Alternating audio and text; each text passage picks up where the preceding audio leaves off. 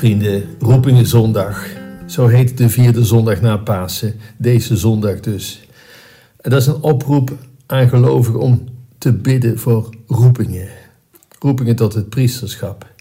Ergens is dat vreemd, want Jezus heeft zelf nadrukkelijk een wereldwijde kerk gebeeld. Ga uit over de wereld en verkondig het evangelie. En dan zou je denken, nou ja, misschien moet hij dan ook maar voor priesters zorgen, voor roepingen.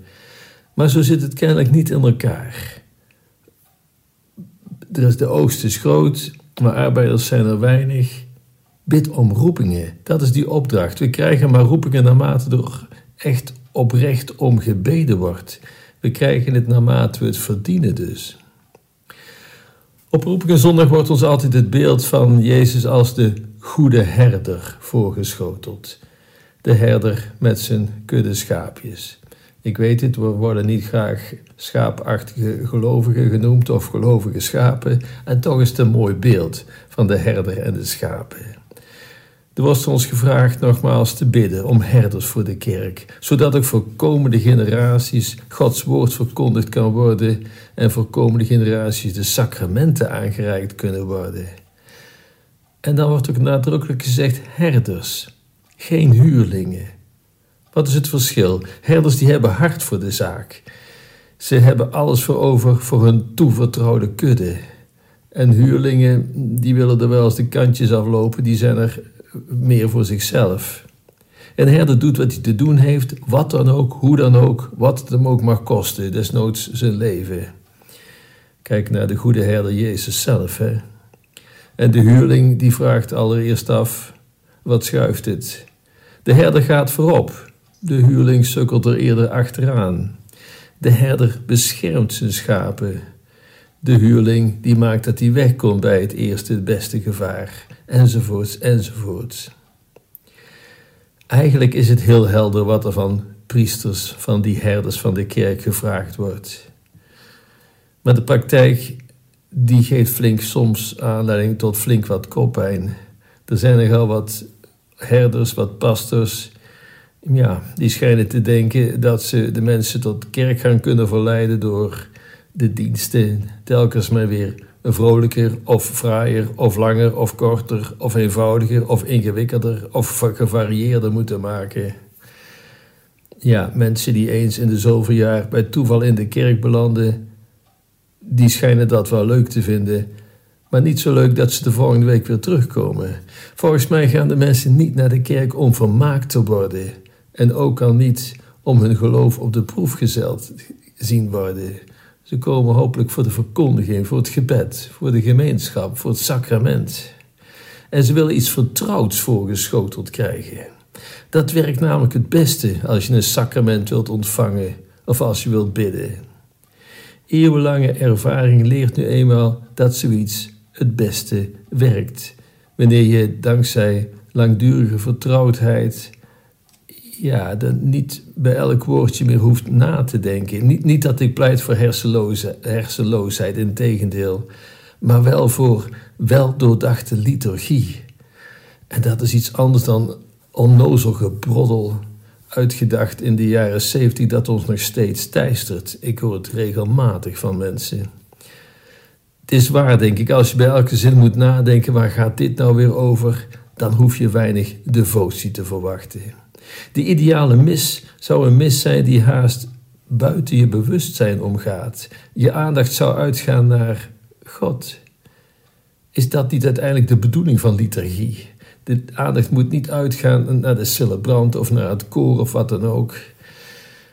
De opdracht aan Peters luidde: hoed mijn schapen en niet experimenteer met mijn ratten. Kortom, permanentie en uniformiteit is geboden maar hoeveel doen niet zomaar wat. Helaas is er geen eenheid en zijn er herders en huurlingen. Ja, ik zeg het ronduit. Ik kom zo vaak berichten tegen die dat bevestigen.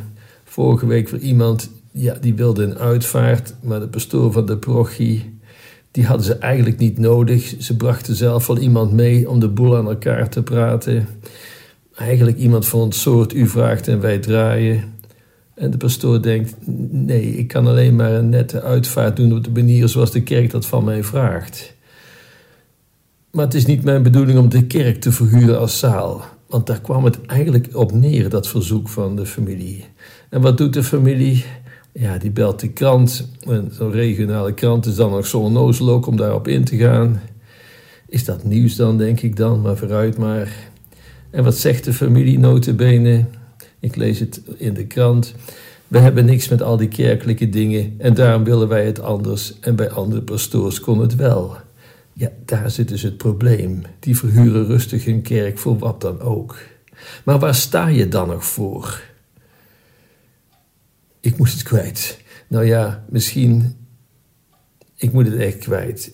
Maar ik zeg het alleen maar omdat die kerk mij dierbaar is. En ik zie dat we het zelf verkwanselen. Want wat is het resultaat van al die fratsen? Dat de mensen wegblijven. Dat ze uiteindelijk toch in de gaten krijgen: het gaat hier nergens om. En dat is wel zo. Het gaat om het wezenlijke. Ouderen die willen gewoon een mis. En jongeren houden niet van die gekke dingen. Die prikken met het grootste gemak doorheen, door deze helemaal niet eigentijdse flauwekul. De popmuziek in een discotheek of in een popconcert is veel beter. Um, zelfs bij de kantine van de voetbalclub of op hun eigen iPod. Dat klinkt allemaal veel beter dan die gedateerde bandjes in de kerk. En wat voor verkondiging moet doorgaan, heeft soms wel heel veel weg van vage, zwevende, seculiere sociopraat van geitenwolle sokkenverenigingen. Ik weet wel dat jongeren die nog naar de kerk gaan, want daar kom je ze tegen, daar naartoe gaan waar gebeden wordt. Uit de traditionele liturgie. Lezingen komen gewoon uit de Bijbel, die over de hele wereld dezelfde zijn van die dag. En de verkondiging is recht toe recht aan. Die is duidelijk. Wel hartelijk, maar ook duidelijk. Jongeren mogen dan misschien onwetend zijn, en, en dat kan ook niet anders, want niemand reikt ze kennis aan. Maar dat wil nog niet zeggen dat ze onnozel zijn. Ze willen serieus genomen worden. Willen we weer roepingen krijgen, dan zullen we eerst zelf orde op zaken moeten stellen, zodat jongeren weer iets authentieks voorgeschoteld kunnen krijgen. Iets waarvan ze proeven dat het de kern van hun leven en het geloof raakt. Dat het geloof een ander mens van je, gemaakt, van je maakt. Geloof dat de diepste vezels van je wezen raakt. Geloof dat tot onbegrijpelijk geluk leidt. Jezus heeft het zelf gezegd: trek erop uit, hè, verkondig het evangelie. Hoed mijn schapen. We moeten er geen discussieclub van maken of een soort alternatief voor de seculiere wereld. Nee, de herder moet naar Christus verwijzen, naar Hem die is de weg, de waarheid en het leven, naar Jezus verwijzen. Jezus die dat zo belangrijk vond dat Hij er zelf zijn eigen leven voor gaf. En van zijn herders vraagt hij eigenlijk diezelfde radicale houding. Slappe hap heeft nog nooit iets goeds opgeleverd. Nee, Jezus wat trouwens helemaal niet politiek correct. Hij zei gewoon waar het op stond. En al die geestelijke leiders die mensen op een dwaalspoor zetten, noemde hij blinde leiders, gebroed, dwaze, slangen, hypocrieten. En nee, dat verzin ik niet zelf. Het staat gewoon in de Bijbel te lezen. Kijk het er maar op na. Jezus wilde het helemaal niet iedereen naar de zin maken. Daar is het geloof een te serieuze zaak voor. Het gaat om, namelijk om het werkelijk geluk, om het eeuwig leven, om het zielenheil. En dat is nogal wat. De eeuwigheid is ermee gemoeid. En daarom deze zondag bid verroepingen, maar maak ook werk van het geloof, van uw eigen geloof. En laat het niet zomaar op zijn beloof, maar doe er moeite voor, want het is alle moeite waard.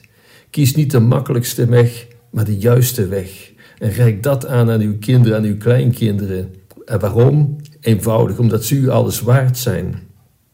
En bid verroepingen tot het priesterschap, voor goede herders, voor de kerk van morgen. Waarom? Nogmaals, omdat het om uw kinderen en kleinkinderen gaat, om komende generaties. We bereiken de hemel niet zomaar zonder meer. Jezus is daar duidelijk in en daarom kan ik ook niets anders zeggen. En ik wil het niet op mijn geweten hebben dat ik de luisteraars daarvan in onwetendheid heb gelaten. De Heer is mijn herder, het ontbreekt mij aan niets. Hij omringt mij met zijn liefde. De Heer is mijn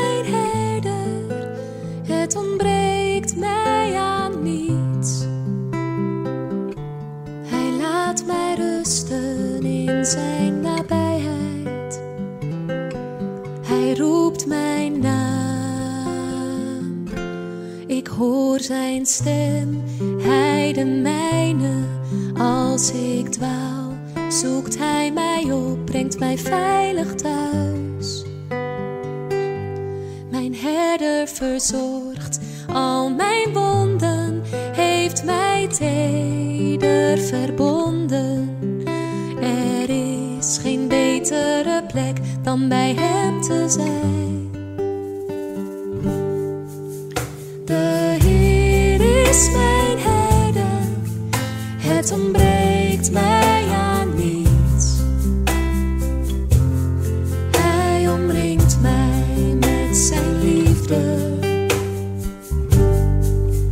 De Heer is mijn herder, het ontbreekt mij aan niets.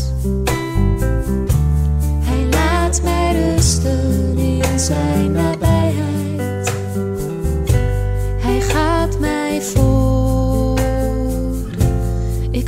Zijn spoor. Hij zal leiden als ik val. Geeft hij mij kracht om weer op te staan. Mijn herder beschermt